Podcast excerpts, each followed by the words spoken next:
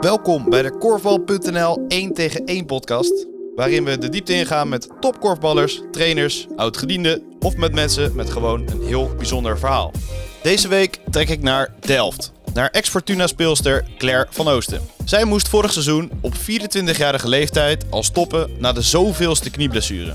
Zij zag haar fysiotherapeut Leon Braunstaal bijna meer dan haar trainer Art Corporaal. Maar beleefde in 2018 ook een mooi hoogtepunt door Fortuna via een golden goal naar de Korfbal League finale te schieten. De focus van Claire ligt nu op haar maatschappelijke carrière in het ziekenhuis. Als IC-arts maakte ze corona op een intense manier mee. Hoe het verder met Claire is, dat hoor je nu. Veel plezier! De vijfde aflevering eh, van 1 tegen 1 van uh, Korfbal.nl. Ik ben bij uh, Claire van Oosten. Welkom in de show, Claire. Dankjewel. Waar zitten wij hier? Um, wij zitten bij mij thuis in Delft. In Delft. Um, ik zag een bekende naam op de voordeur. Ja, dat klopt. Ik woon hier samen met Sven, uh, Sven Beesemer, en dat is mijn vriend. Mooi. Fortuna, daar uh, gaat het vooral om, ook in deze podcast. En dat jij uh, al inmiddels een jaar gestopt bent, toch? Volgens mij nu. In oktober ja. 2020 had je dat ja. afscheidsinterview gegeven. Ja, klopt. Hoe bevalt het een beetje? Um, het is heel dubbel. Aan de ene kant, uh, in het begin was het wel lekker dat ik uh, uh, heel veel vrije tijd had. Nou kon je met de corona niet zo heel veel doen. Maar dat was wel, dat je gewoon een keer een avond op de bank kon zitten, was ook wel heel erg lekker. Maar als dan die spannende wedstrijden eraan komen, met name de kruisfinales, dan begint het toch wel weer een beetje te kriebelen. Ja. En afgelopen week toevallig met een aantal mensen erover gehad, omdat ik toevallig wat korfbal mensen gezien heb, dat het toch ook wel, ja, wel balen is dat je voor je gevoel hebt moeten stoppen en nog niet helemaal klaar ermee was. Ja. Dus het is soms een beetje dubbel, maar... Uh... Nu valt het mee dus. Ja. Om, omdat het een beetje stil ligt. En, ja. Uh... Maar als we straks het veld weer opgaan? Ja, het veld had ik nooit zo veel mee. Okay. Die heb ik, ja, dat is relaxed. Al... ik denk dat ik elke keer dat ik uh, aankwam op het veld, dat arts zei... Heb je überhaupt nog veldschoenen, Claire? Want ik speelde eigenlijk nooit op het veld, want dan was ik of geblesseerd of... ja. ja, nee, dus het veld mis ik niet zozeer. Um, maar de zaal daarentegen, dat, dat wel. Ja. Verder gaat het goed? Ja, verder gaat het heel goed. Ook ja. fit? Verder? Ja, ja, ik voel me goed. Veel uh, aan het sporten in de sportschool. Dus uh, ik voel me eigenlijk uh, enorm fit. Ik was ook sowieso benieuwd, want wat doe je dan als je stopt met korfbal? Welke sport pak je dan op? Ga je dan een andere sport doen? Maar het is vooral fitness. Ja, ik ben eigenlijk vrij snel begonnen in de sportschool. Um, maar toen ging het met corona ging het natuurlijk weer dicht. Dus toen hebben we een paar maanden niet kunnen sporten. Lukt dat thuis dan, of niet? Nee. ik heb denk ik een, ik paar, het, ja. een paar keer heb ik uh, voor de tv een beetje staan springen. En toen dacht ik, nou, uh, het, zal wel. Voor Nederland in beweging? Of? Uh, nee, dat nog okay. net niet. Nee, dan, ja, en de buren werden er ook niet zo blij van als ik stond te springen. Dus nee. daar ben ik snel mee gestopt. Um, en ja, in de sportschool dan fitness ik en de krachttraining en dan wat groepslessen ook. Je hebt zijn naam al eventjes genoemd. Art Corporaal. We hebben, je hebt deze podcast nog niet geluisterd, daarom was ik heel blij dat je nog niet had geluisterd. We doen altijd uh, een boodschap in de show. Dus Art heeft uh, wat voor jou uh, ingesproken. Oh, wat leuk. Daar gaan we even naar luisteren. Ik heb een groot aantal jaar met Claire mogen werken. Ik weet nog heel goed dat zij in, vanuit de junioren de senioren inkwam. Dat wij het eerste half jaar echt dachten, wat is Claire in vredesnaam aan het doen? En die liep als een soort kip zonder kop in het rond in het tweede. En eigenlijk wisten we niet zo goed wat we ermee aan moesten. Tot ergens rond de kerst opeens het licht is gaan branden. En zij uh, enorme sprongen maakte. En in februari speelde zij al uh, in het eerste bij ons. Volgens mij LDO uit was haar eerste wedstrijd. En uh, sindsdien heeft ze eigenlijk altijd bij ons in het eerste gespeeld. Tenzij ze geblesseerd was aan die, die rotknieën van. Claire is in die tijd echt zo onwijs gegroeid. En als je vraagt van ja, wat typeert nou Claire het meest, is het voornamelijk dat zij enorm eigenwijs is, lijkt. Maar dat ze tegelijkertijd ook enorm leergierig is. Dus ik weet nog heel goed dat ze aan het begin had ze best wel veel moeite met uh, sociale contacten. Gewoon hoe ga ik nou om met mijn ploeggenoten? En, uh, en uh, ja, niemand begrijpt me. Erg op zichzelf gericht. En later is dat helemaal bijgedraaid. En is ze echt een van de meest sociale mensen in de groep geweest. Ehm, als ik aan Claire denk, dan denk ik aan een moment in, in Spanje waar ik uh, Noordwest trainer was. En uh, zij uh, volgens mij 15 jaar was. En zij wist dat ik heel bang was voor, voor honden.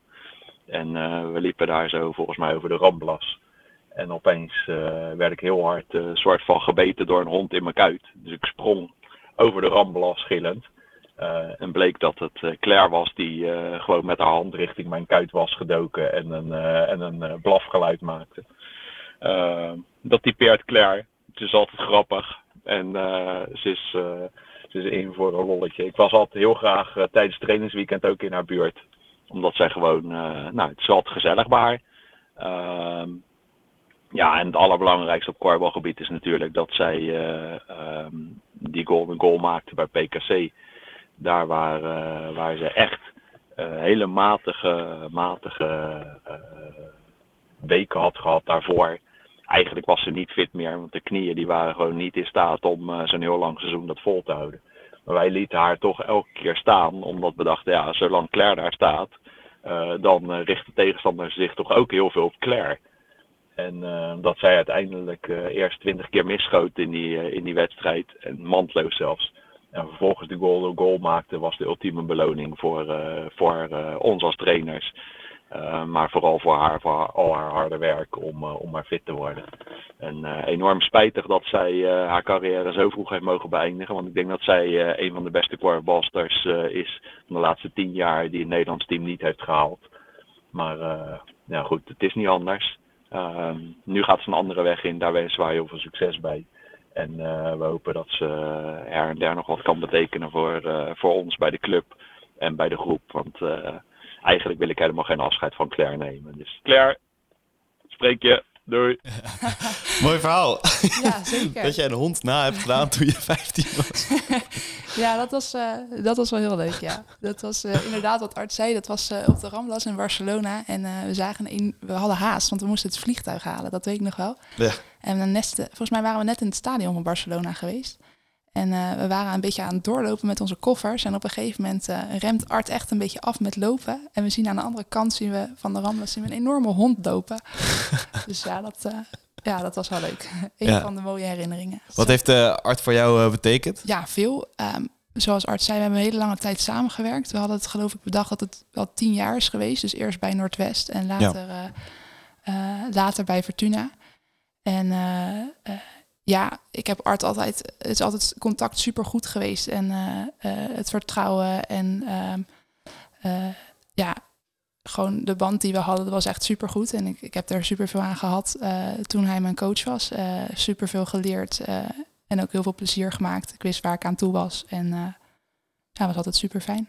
Ook altijd vertrouwen in je gehouden, toch? In totaal drie knieblessures? Of mis ik er dan nog één? Of Nee, het zijn er wel meer geweest. meer? Even denken, ik denk dat het er vijf zoiets waren. Ja. Ja, begon toen ik 16 was al met mijn rechterknie. Toen had ik eerst mijn kruisband en mijn meniscus. Toen een jaar later weer mijn meniscus. Toen heb ik mijn linkerknie mijn kruisband gescheurd. En nog een keer een botkneuzing. Ja, en op het eind, toen ging ik weer door mijn knie heen. Maar toen was het eigenlijk eh, wat minder hevig dan de vorige keren. Ja. Maar hij heeft wel elke keer weer vertrouwen gehouden van, nou, ze komt wel weer terug. En dan stel ik er Ja. gewoon op. Ja. ja, de ene keer duurde het wat langer dan de andere keer voordat ik weer opgesteld was. Ja, dat is waar. Dat is waar. Maar eh, eh, ja, el- wel Had sneller gekund van je, of niet?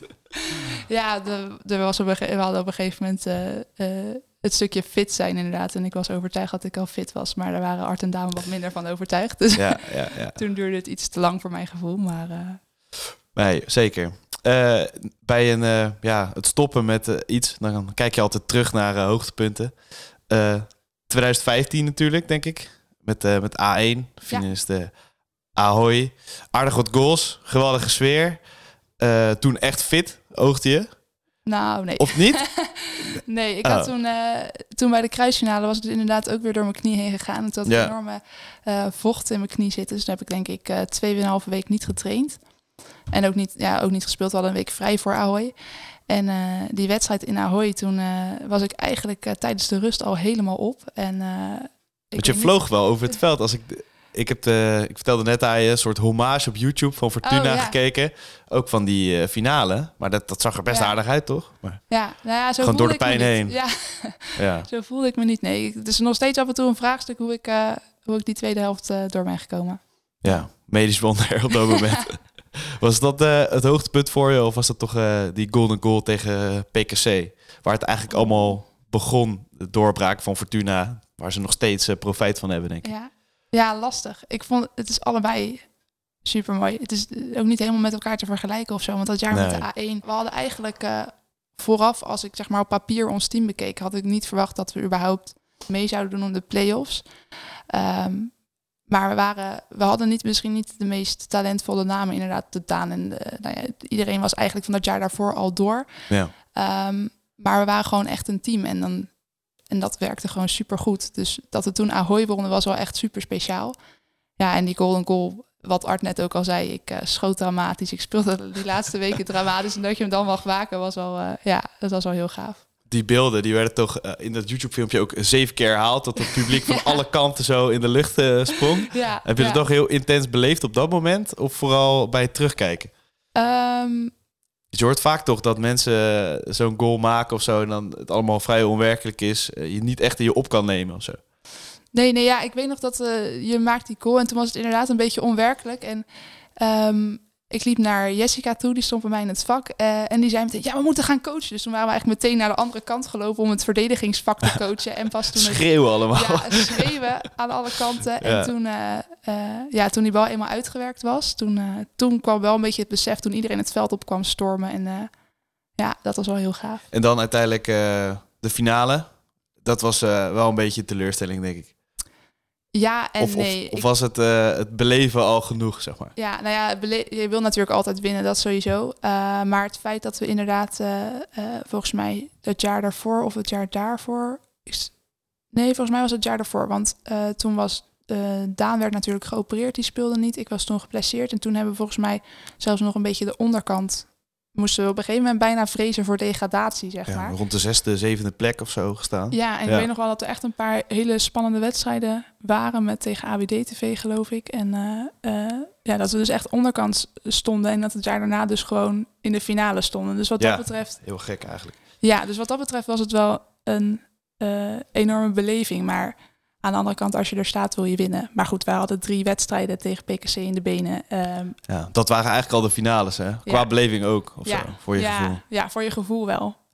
Ja, en je merkte ook gewoon dat, dat zij, eh, eh, dat top toen op dat moment fitter was dan wij. En eh, dat we het een tijdje bij konden benen, maar op een gegeven moment eh, was het klaar. Ja, het is natuurlijk ook een verdienste dat ze minder wedstrijden nodig hadden. Of, Ja. of vind je dat je altijd meer rust moet hebben in zo'n finale, als je daarop terugkijkt? Ehm, En hadden jullie het dan gekund, als jullie meer rust ja, dat is altijd de vraag. Het zijn wedstrijden Ja. op zich. Dus ik, ik kan nu wel zeggen, ja, dat alles. Nee, ik denk wel dat het goed is ehm, om iets meer rust, zeg maar, te hebben tussendoor. Dus ik vond drie wedstrijden in, eh, of nou ja, vier wedstrijden eigenlijk in, eh, in twee, twee, tweeënhalve week. Vond ik wel echt heel veel. Ehm, dus ik denk dat het wel goed is. Maar goed, ja, als je dan weer geen wedstrijd hebt, dan zit je weer een week niks te doen. Dus Ja. dat is altijd een beetje het lastige. Maar eh, ja, ik en met mijn knieën was ik altijd wel voor voor een extra weekje, of extra tijd tussendoor. Ja. Behalve die twee hoogtepunten dan, die ik eventjes eh, opnoem, die iedereen natuurlijk zal noemen. Wa- waar denk je nog meer aan? Ik zag bijvoorbeeld ook beelden van de C, met de hele jonge kopjes van eh, ook Daan, die opkwam Ja, lopen. ja, ja, nee, dat is. Ik heb denk ik vanaf de D eh, hebben wij eigenlijk elk jaar eh, meegedaan op het Nederlands kampioenschap. Ehm, en toen de eer- eerste jaar in de D werden we denk ik Nederlands kampioen. Dus dat is ook wel dat was heel speciaal. En toen hebben we volgens mij nog eh, eh, inderdaad Daan zat bij mij in het team. En volgens mij hebben we nog tegen toen Harjan gespeeld met wit-blauw of blauw-wit. Een van de twee. Ja. En Sven denk ik ook. Eh, nee, Sven was toen al door. Ah. Eh, maar dat jaar daarna in de C inderdaad ook met, met Jort en Sven. en Bezemer trouwens, Ja, voor mensen die het niet weten. Ja, ja. En dat hebben we elk jaar hebben we in de jeugd eigenlijk mee mogen doen op het Nederlands kampioenschap. Dus dat was eigenlijk super leuk. Ja. En eh, eh, nou ja, met Noordwest dus naar het buitenland geweest. Met het Nederlands team naar het buitenland geweest. Dat zijn echt wel de mooie dingen. Trainingsweekenden, ook met Fortuna, waren ook altijd heel erg leuk. Ja. Dus dat zijn wel de mooie dingen waar je... Ja, Budapest natuurlijk, de Europa Cup. Wat was het mooiste aan Budapest? Is dat, eh, hebben jullie gewoon heel veel lol gemaakt? Zo, Ja, zo vertel ja. je het een beetje. ja, zeker. Zeker heel veel lol gemaakt. Ehm, ja, je- kijk, het is natuurlijk anders dan, eh, dan een competitie in Nederland qua niveau. Dat Mhm. ik denk niet verder uit te leggen, maar eh, het is gewoon de hele sfeer. En er ik weet niet hoeveel man er mee waren van Fortuna, maar er waren echt ruim 100 nog wat man, denk ik, mee. Dus het was gewoon super gezellig. Het was een super leuke sfeer in de hal. En ehm, aan het eind van de Europa Cup hadden we nog een feest daar zo. eh, Mooie stad ook, Ja, om eh, een feestje te houden. hebben we niet ik. heel veel gezien, helaas, van de stad. we zijn denk ik één middag de stad in geweest. Dat verder was je heel veel aan het spelen. Maar Ja. ja, ja, was zeker uh, was heel erg leuk. Ja, een rubriek uh, van uh, deze podcast die ook op de site komt en op Instagram een foto. Dat Daan je optilt, Daan Preuninger. Ja. Welke moment zien we hier? Ja, de Golden Goal. De Golden Goal. Net gemaakt. Ja. Ja. Ja. ja, dat is heel gaaf. Is dat ook zo'n moment dat je nog kan herinneren en als je die foto ziet dat je erin terug kan in dat moment? Heb je hem ergens staan ook op een speciale plek? Um, nou, ik heb toevallig uh, uh, van de selectie uh, zelf heb ik inderdaad die foto in een lijst gekregen. Ah, okay. um, die moet nog opgehangen worden, maar die staat hier in het kamertje naast. Toen je stopte, zeg maar. Ja, oh. toen ik stopte. Dus ja, die gaat zeker nog wel opgehangen worden. Um, ja, en ik kan, ik kan me ook nog wel herinneren inderdaad dat ik die bal schoot. Dat het nog wel een moment door mijn hoofd ging dat ik dacht, ja, ik schiet niet heel goed vandaag, maar goed, deze voelt wel lekker. dus ik gooi gewoon omhoog. Ik had natuurlijk veel minder druk dan Daan op dat moment. En die zat ja. naast me, dus ik dacht... Uh, ja, de schotelijk was nog niet eens zo heel laag, maar voor mijn gevoel dacht ik, nou... Het moet gewoon even. hij gaat er toch op een gegeven moment invallen. Um, en ik weet nog dat hij zit en dat ik me omdraai om te juichen naar het publiek. En dat Daan inderdaad mij optilt en uh, dat je iedereen zag springen. En uh, nou ja, toen zei ik al, toen snel naar het andere vak om daar te gaan coachen. Um, maar dat moment, dat herinner ik me nog wel, ja. ja. Want na die goal uh, hadden ze sowieso een paar schoten nog. En moest ja. de bal ook uit het vak komen. Maar dat, helemaal in de hoek kwam ook die bal uiteindelijk. Dat iedereen dacht van, is hij nou wel binnen? Maar iedereen was al aan het juichen. Ja. Heb je nooit gedacht van, was hij nou eigenlijk wel binnen? Nee, nee Want daar heb ik niet over nagedacht. Ze stonden echt heel dicht bij die lijn. Maar ja, goed. dat zag ik later inderdaad terug. Maar toen ik daar stond... Scheidsrechters dachten ook van, nou ja, het zal wel. Ja, ja ik weet niet. Ik, volgens mij, ik weet niet eens meer wie hem ontving. Daan of Thomas, denk ik. Ja. Um, en ik dacht wel, die gaan echt niet over de lijn staan. Dus het is wel, het is wel goed. Um, dus nee, daar, daar heb ik eigenlijk geen seconde druk om gemaakt. En ja, wat je zei, we waren eigenlijk al aan het juichen voordat ik ik heb, er niet eens, ik heb er niet eens over nagedacht eigenlijk. Wat ik zei, misschien wel een beetje de doorbraak weer. Of nou ja, de, de wederopstanding voor Fortuna, waar het voor staat. Dat je daarna die jaren constant in de, in de top meedoet. Uh, nou ja, nu komen Mixnel en Celeste Split. Daar gaan we zo nog even op verder. Ik uh, vroeg me vooral af bij, bij blessures. Hoe vaak heb jij gedacht van... Is het nou nog waard om weer door te gaan na zo'n zware blessure? Ik kan me voorstellen, bij één keer denk je... Ja, gewoon goed herstellen. Ja. Ik kom goed terug in die vlog zag ik ook je steeds bij Leon. Dus zei ja. je van, daar ben ik weer. voelde het ook echt zo? ja, dat voelde wel echt zo. Ja, ja ik, ik, begon natuurlijk vrij jong. Ik was 16 de eerste keer. Ja. Um, en dan, dan ben je nog zo uh, aan het denken van, uh, ik wil korfballen. En ik was toen, zat ik geloof ik het eerste jaar in de A1. En nou, alles met het Nederlands team was een beetje aan het lopen. En uh, dan wil je zo graag weer terugkomen en zo graag door. Dus dan denk je er eigenlijk helemaal niet over na. Je weet ook niet zo goed wat je te wachten staat. En dat is misschien ergens ook wel fijn. Um, en de tweede keer zat ik uh, uh, nog niet zo heel lang in het eerste, zeg maar, was mijn tweede seizoen in één dan. Ja, en dan wil je ook gewoon weer terugkomen. Want dan, dan heb je één doel, je wil weer verder spelen in één. Uh, maar naarmate je iets ouder wordt, denk je wel van hè, dat er zijn ook nog andere dingen dan korfbal. En met Ja. name later dat je ook je knieën nog nodig hebt.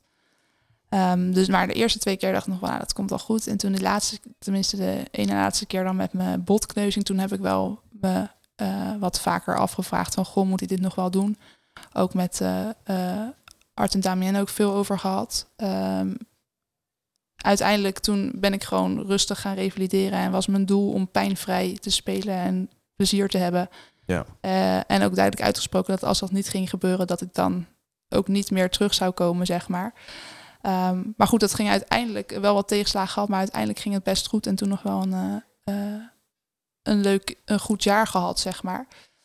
Maar in dat, die laatste revalidatie heb ik me wel eh, veelvuldig afgevraagd eh, of het inderdaad nog verstandig was. Ja, en of het Eh, het waard is om ook nog risico te nemen misschien. Ja, dat het dat is het op lange termijn ja. ook... eh, Ja, het was met name het risico, want dat revalideren, daar kwam ik elke keer wel doorheen. En ik had eh, best wel genoeg discipline. Ik was inderdaad altijd bij Leon. eh, en dat, lukt, ja. dat, ging, dat lukte altijd wel. Maar het was met name op een gegeven moment het risico dat ik dacht, ja, kijk, nu eh, de laatste keer dat ik door mijn knie ging, eh, eh, afgelopen seizoen, zeg maar, begin van het seizoen was het al. Toen dacht ik wel, ja, ik was super sterk. Ik had gewoon de hele zomer doorge, eh, doorgetraind. En toen dacht ik, als het nu al gebeurt, dan ja. is het niet de vraag of het gebeurt, maar wanneer en wat er dan kapot is. En toen dacht ik, ja, ja, dat. eh, precies. We, we hebben Leons naam al genoemd. Leon Bruinstaal. Hij was fysiotherapeut van het Nederlands team. Team NL Korf moet ik zeggen, sorry. En hij is eh, trainer van top geweest. Maar vooral dus bij jou heel belangrijk geweest bij je revalidaties.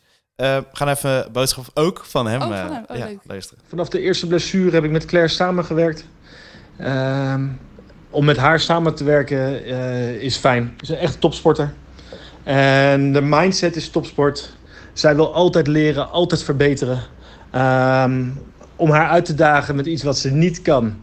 Dan weet ze het zo uh, voor elkaar te krijgen dat ze het na een weekje weer wel kan. En dan weer de volgende uitdaging voor te zoeken.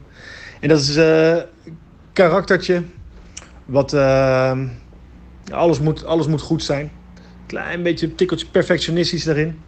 Uh, maar staat open om daarin te leren. Uh, sowieso op mentaal gebied, maar ook op fysiek gebied. En, en ik heb, ik heb alle, alle tijd, het is echt zonde uh, als scoreballliefhebber ook dat, er, dat ze zoveel tegenslagen met de knie heeft gehad. Maar hoe sterk zij is om elke keer weer terug te komen en elke keer weer te laten zien wat ze, wat ze kan.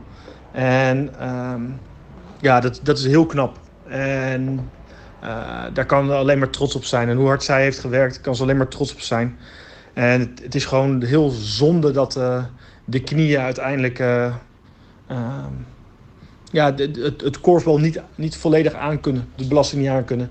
En dan is het heel verstandig dat ze de, deze keuze heeft gemaakt uiteindelijk om, om hier niet verder in te gaan. Gelukkig heeft zij dit, deze karaktertrekken van het, het hard werken en het willen verbeteren, ook op werkgebied. Dus zij gaat gewoon daar een fantastische carrière in maken. En ik heb al die jaren alleen maar genoten van het samenwerken met Claire. En dat, ik hoop ooit op werkgebied ook op die manier nog te kunnen samenwerken. Maar dat gaan we ooit zien. Dus alle lof voor Claire en succes. Mooi woorden toch? Ja, Denk heel ik van Leon. Ja, zeker. Beetje vrienden geworden met hem ook, Ja, als je zo ja. intensief samenwerkt. Ja, zeker. Het was altijd superleuk. Ik keek er ook nooit tegenop om naar Lyon te gaan. Ik vond het eigenlijk juist al leuk en gezellig in mijn revalidatie. En ja, het, ik ben een beetje sprakeloos. Ik vind het heel leuk dat hij zo'n berichtje heeft ingesproken. Ja, nee, ze hebben allebei eventjes de, de moeite genomen Ja. voor je. Hij had het al eventjes over eh, werkgebied. Ja. Ja.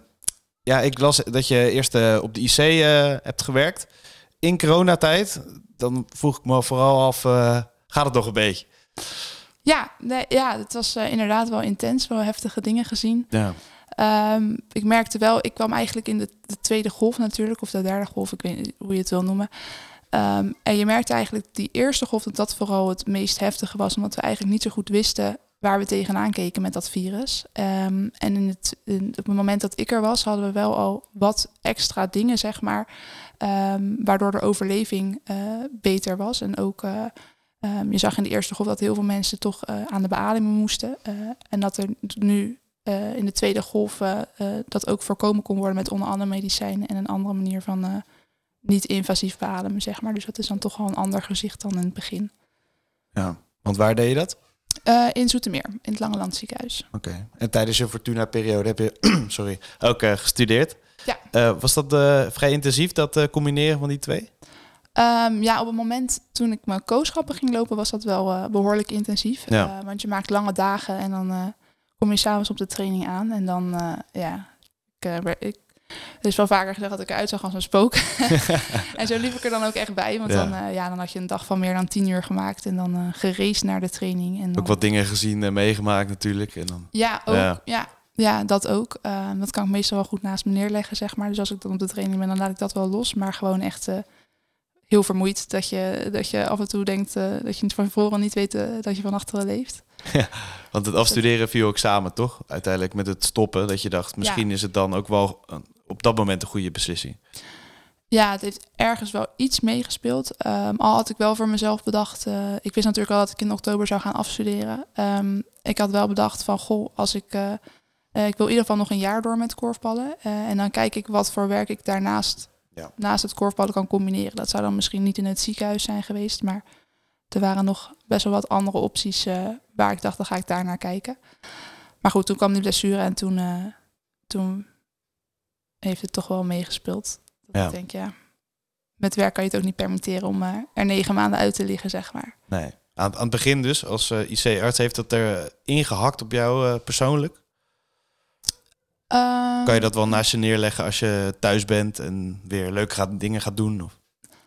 Ja, het is, het is natuurlijk wel emotioneel wel heftig soms. Ehm, maar ik kan het inderdaad wel goed naast me neerleggen als ik dan eenmaal thuis ben. Eh, en vaak vertel ik eh, er wel over. Natuurlijk niet eh, alles binnen de, de dingen van het medisch beroepsgeheim natuurlijk. Mhm. Maar dan vertel ik wel eens van wat, er, wat ik heb meegemaakt. En dan ben ik het eigenlijk ook al wel weer vrij snel kwijt. In de zin van dat ik het niet, niet over blijf malen, zeg maar, de hele, Nee. De hele dag of de hele middag had ik dan, eh, of avond dat ik thuis kom. Ben je er zelf ook voorzichtiger door geweest met coronaregels? Of dat je dacht ook met eh, dat je naar de training ging of zo. Dat je denkt, eh, hè, wat raar, nu ben ik opeens met heel veel mensen samen. Of is dat niet tegenstrijdig? Ehm, ja, het was voor je gevoel wel een beetje tegenstrijdig, omdat je aan de ene kant op de IC eh, mensen doodziek liggen en aan de andere kant er gekorfbald werd. Ehm, maar zelf, ja, zelf ben ik wel gewoon voorzichtig geweest. En eh, vooral inderdaad de beelden die je dan zeg maar zelf ziet, dat je dan denkt van nou, dat, Wil ik niet. dat wil ik niet. Dat Nee. wil ik niet in mijn omgeving meemaken. Ehm, nee, dus ik ben wel voorzichtiger geweest. Eh, maar op een gegeven moment ja, gaat het natuurlijk langzaam, mag er weer meer open. En dan eh, Werd ook bekend dat het niet heel veel verschil maakte als je met mensen sportte bijvoorbeeld. Dat je Nee, niet heel dicht op elkaar komt. Ja, nou ja, dat scheelde inderdaad ook. En uiteindelijk viel het volgens mij nog mee hoeveel besmettingen er in de, door, de, door het sporten zijn geweest. Nee, zeker. En jouw werk nu? Want je bent nu niet meer op bij de IC, toch? Nee, klopt. Ik werk nu op de spoedeisende hulp. eh, ook in Zoetermeer. Ehm, dus nog steeds hetzelfde ziekenhuis, maar een andere afdeling. Eh, ja, en dat is weer heel anders. Ehm, het is, eh, je weet van tevoren niet wat er gaat gebeuren, zeg maar. Het kan, het kan of enorm druk zijn, of dat je denkt van, nou, volgens mij hebben we het nu wel onder controle. Wat heb je liever? Ehm, een beetje de middenweg.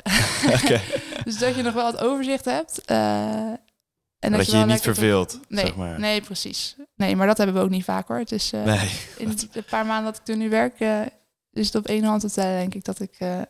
met mijn collega's even kon kletsen of eventjes wat rustig kon eten. Ja. Is het, ja, als journalist vind ik het zelf ook soms moeilijk dat je hoopt dat er dingen gebeuren, maar dat betekent soms dat er wel slechte dingen gebeuren. Je Ja. wil je niet vervelen, maar je wil ook niet dat Ja, er mensen gewond zijn of nou ja, zoiets. Vind je dat gek? Of, of denk je daar vooral niet over na? Dus dan ja, ik denk daar eigenlijk niet zo erg over na. misschien is dat beter. Want ja, nee, even nog nooit zo over nagedacht. Eigenlijk, nee. Nee, ja, ik, ik vind het zelf altijd heel gek bijvoorbeeld als er... Kijk, als journalist wil je erbij zijn bijvoorbeeld bij een hele grote brand. Maar ja, het is wel een grote brand. Dus je hoopt vooral Ja. dat dat niet plaatsvindt, zeg maar. Ja. Aan de andere kant is het al wel, gebeurt het al, zeg maar. Ja. Dus dan, Ja, ja, ja. ja, die brand Dat is- gaat toch wel komen, of je dat nou wil of niet, zeg maar. Dat is een nog diepere vraag. Die moeten we skippen, denk ik. Met eh, corona, korfbal en je werk kwamen eigenlijk een beetje samen. Toen je opeens je ploeggenoten stond te testen. In de periode dat eigenlijk helemaal geen korfbal was. Eh, iedereen echt snakte naar een beetje korfbal en, en kijken. De cijfers van de livestreams gingen echt enorm omhoog. Maar ja, er moest wel overal een stok door die neus heen. Ja, Dus jij bood je vrijwillig aan. Of niet helemaal vrijwillig, hè? Hoorde ik. Eh, nee, het was gevraagd eh, eh, via de app inderdaad. eh, en voordat ik uitsluitsel kon geven, toen eh, was ik al gebombardeerd tot tester. Ja. nee, maar eh, uiteindelijk was het wel leuk, omdat ik wel eh, al mijn teamgenoten nog eh, eh, regelmatig zag en eh, even kort sprak. Dus eh, ja, was wel leuk om te doen. Ehm, maar goed. Ik Is het niet gek om je ploeggenoten dan opeens te testen? Dat je helemaal aan de andere kant staat? Of Nou, nee, je, praat gek. gewoon met elkaar natuurlijk. Ja, dus. ja, het is wel gek dat je niet meetraint en niet meespeelt. Dat was meer gek. ja. Uh, maar ja, dat testen, dat, uh, nee, dat vond ik niet zo gek. Ik was wel blij dat ik aan de goede kant stond en niet uh, elke week twee keer zo'n ding in mijn neus kreeg. Moet je niet zelf ook vaak testen dan? Of, Um, of alleen bij klachten? ik, wij moeten dan in principe alleen bij klachten testen. Um, ben wel een paar keer getest, maar niet een stuk of vijf, zes keer. Heb je veel uh, naar korfbal gekeken in die periode? Um, nou, veel. Ik heb redelijk wat wedstrijden van Fortuna gezien. Mhm. Um, maar eigenlijk andere teams niet of nauwelijks. Ja, je bent Fortuna zelf ook altijd trouw gebleven, dus nu Ja, ook met kijken. Ja, ja precies. Nee, dus ik heb, ik heb niet gek veel korfbal gekeken. Maar goh, als ik eh, eh, sommige wedstrijden, de kruisfinales en zo bij Fortuna, ben ik wel even voor gaan zitten natuurlijk. Um, en anders was het meer, als het uitkwam, dan zette ik hem aan. Ja. Maar uiteindelijk wel redelijk wat van Fortuna gezien, ja. Wat vond je van het afgelopen seizoen voor Fortuna? Um, ik vond het afgelopen seizoen eigenlijk wat er vooral is bijgebleven, is dat die zalen leeg waren. Ja. dat was wel jammer. Um, en ik denk dat ze uh, in principe een goed seizoen hebben gedraaid. Want in het begin even, er waren natuurlijk best wel wat nieuwe poppetjes. Dat de vakken nog wel wat uh, uh, moesten wennen aan elkaar. Um, en dat ging de ene wedstrijd makkelijker dan de andere. Maar over het algemeen... eh, Bekende diesel bij Fortuna ook wel. Ja, ja, al hebben ze deze keer in het begin van het seizoen ook al wel Ja. eh, eh, goede wedstrijden gespeeld. Dus eh, nee, uiteindelijk denk ik een prima seizoen. En jammer dat de finale dan net niet gewonnen is. Maar Denk je dat het anders zou lopen als de hele hal vol zit? Dat PKC iets zenuwachtiger wordt en Fortuna daar sterker van wordt? ehm, ik denk wel dat het iets kan doen. Maar ja, dat, ja, was dit het voordeel van Fortuna geweest, denk je, met publiek? Van beide kanten? Ja, ik denk in het publiek wel in het voordeel van Fortuna was geweest. Ja, En waarom, denk je? ja dat, is, dat is ook een beetje het gevoel, denk ik. Eh, maar ik denk dat, eh, eh, dat, ze, dat wij altijd wel een extra, een extra duwtje de goede richting in kregen van het publiek. Ik weet bij ons inderdaad een aantal spelers in het team daar nog extra gevoelig voor waren. Ik denk dat inderdaad dat wel het verschil had kunnen maken. Welke spelers? Bijvoorbeeld eh, Thomas Rijgersberg Ja, of Thomas eh. Daan Preuninger? Thomas, eh, eh, Thomas die ging er altijd wel lekker op inderdaad. En Nick is natuurlijk ook een enorme publiekspeler. Dus die hadden er zeker baat bij gehad. Hoe kijk je naar de transfers die er zijn geweest? Ik bedoel, Mick Snel en Celeste Split bij Fortuna erbij. Hoe, hoe las je dat nieuws? Vond je Ja, dat heel, heel mooi? Of, eh, Ja, ik vind het, ik vind het wel wat we, waar we net over hadden, inderdaad. Dat Fortuna dus een aantal jaren terug eh, eh, onderkant bijna voor moest vrezen. Dat we inderdaad twee jaar terug Fleur komt. vorig jaar Harjan en dan dit jaar Mick en Celeste. Dat is denk ik wel een goed teken van wat voor groei Fortuna aan het doormaken is. Ehm, ik denk wel dat, dat het wordt wel volle bak volgens mij. ja. Met al die. eh, dus ik ben benieuwd hoe dat volgend jaar gaat. Maar ik denk dat, eh, dat Art en Damin dat helemaal goed in, in goede banen gaan leiden, zeg maar. Precies. We hebben nog wat muziek. Welke nummer had jij uitgekozen en waarom? Ja, ik vond het echt een hele lastige vraag. Want ik heb eigenlijk niet zo heel veel nummers waar ik dan heel veel waarde aan hecht. Maar ehm, ik zat er gisteren over na te denken. En ik weet wel dat we inderdaad in het jaar van de A1 altijd met de meiden een soort van eh, een liedje hadden. Waar we dan, eh, als we gewonnen hadden, draaiden we dan heel veel in de kleedkamer. We hadden op een gegeven moment volgens mij zelfs een dansje op bedacht. Dus dat liedje heb ik genomen. En dat is van Omi, dat heet Cheerleader. Do you need me? Do you think I'm pretty? Do I make you feel like cheating? I'm like, no, not really, cause oh, I think that I found myself a cheerleader. She is always right there when I need her. Oh, I think that I found cheerleader. She is always right there when I need her. Nice. Ik ben wel benieuwd naar het eh, dansje. Of, eh, is, is daar iets van bekend?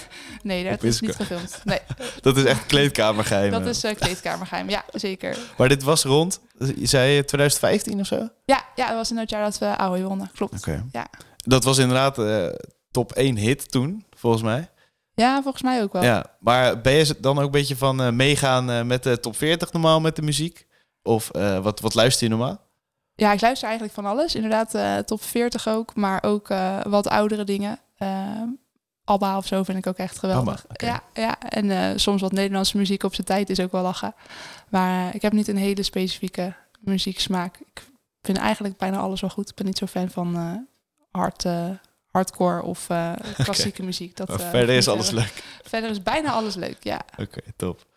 Ja, als laatste, ik ben altijd, eh, nou altijd, ik ben bij jou vooral benieuwd van, heb je nog het idee van, als ik ooit, of nou ja, een tijdje lang niks doe of zo, ik ga wat lager spelen of zo, of ik ga een andere sport doen. Nee, lager, Zit- zit het lager erin? spelen sowieso niet. Nee, dat ben ik misschien en iets te fanatiek voor. en het... Maar dan echt gewoon in achtste, negende. Of, Nee, ik denk het niet. Ook met het idee dat ik denk dat het ehm, eh, dat ik zelfs in dat team zelfs nog door mijn knie zou kunnen gaan. ja, dat is waar, ja. Ehm, dus dus de kans niet kleiner, denk je? Of, of ja, het zal wel kleiner zijn. Ja. Maar aan de andere kant is alles ook wat ongecontroleerder natuurlijk. Dus Ja. je, wat ik nu altijd heb gedaan, eh, is naast het korfballen altijd krachttraining heb gedaan. Maar goed, voor een achtste of een negende weet ik niet of ik dat nog trouw elke week zou kunnen opbrengen. de fanatiekste Ehm. speler in het uh, achtste of negende word je dan. Ja, ja. nee, precies. Dus dan, eh, ja, dan zit een ongeluk ook weer in een klein hoekje. Dus dat, dat risico wil ik niet, niet meer nemen. Ehm, ja, en qua andere sporten zou ik niet zo heel goed weten wat dan anders. Ik vind teams, teamsporten wel altijd superleuk. Maar goed, daar komt ook wel weer het risico met die knieën voorbij. Mhm.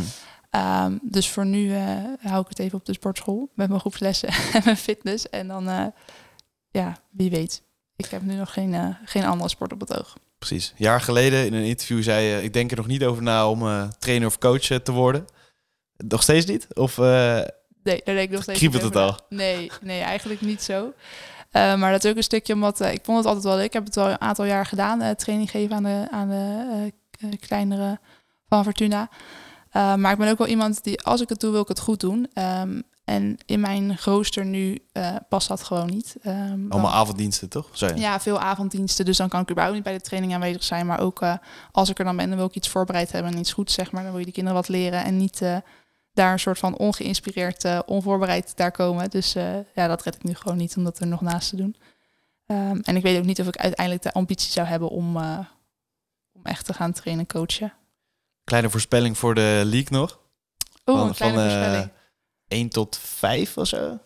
1 tot 5. Nou ja, 1 dat is Fortuna.